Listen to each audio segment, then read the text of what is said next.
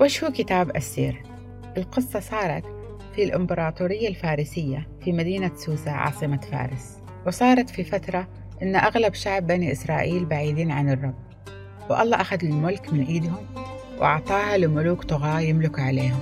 ولكن الله ظل أمين وما نسى شعبه ونجاهم من أعدائهم زي ما وعدهم من قبل إنه راح ينجيهم.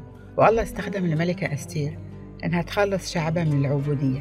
ونجت أمة كاملة بسبب شجاعتها. وهذا الكتاب يسرد سيادة الله المطلقة وعنايته ومحبته لشعبه.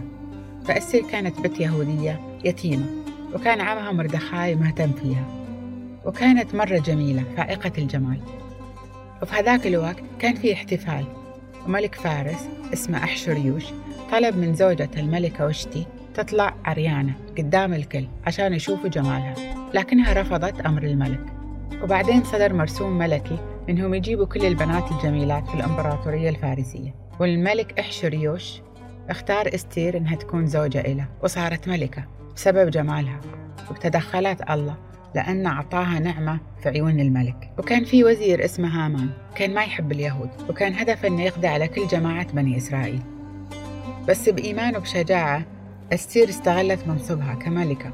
وطلبت من شعب بني إسرائيل أنهم يصوموا إياها لمدة ثلاثة أيام. وقالت لعمها مردخاي أمضي وأجمع كل اليهود المقيمين في شوشن. وصوموا من أجلي ولا تأكلوا ولا تشربوا ثلاثة أيام ليلا ونهارا. وسأصوم أنا ووصيفاتي أيضا مثلكم.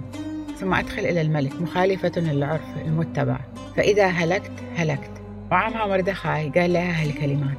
إنك إن لزمت الصمت في مثل هذا الوقت فإن الفرج والنجاة لابد أن يأتيان لليهود من مصدر آخر. ومن يدري فلربما قد وصلت إلى عرش الملك لوقت مثل هذا. فهذا اللي صار. أستير جازفت بحياتها ودخلت على زوجها الملك بدون إذن منه وطلبت أن ينجي ويحرر شعبها اليهودي. والله استخدم شجاعتها وإيمانها عشان يحرر شعبه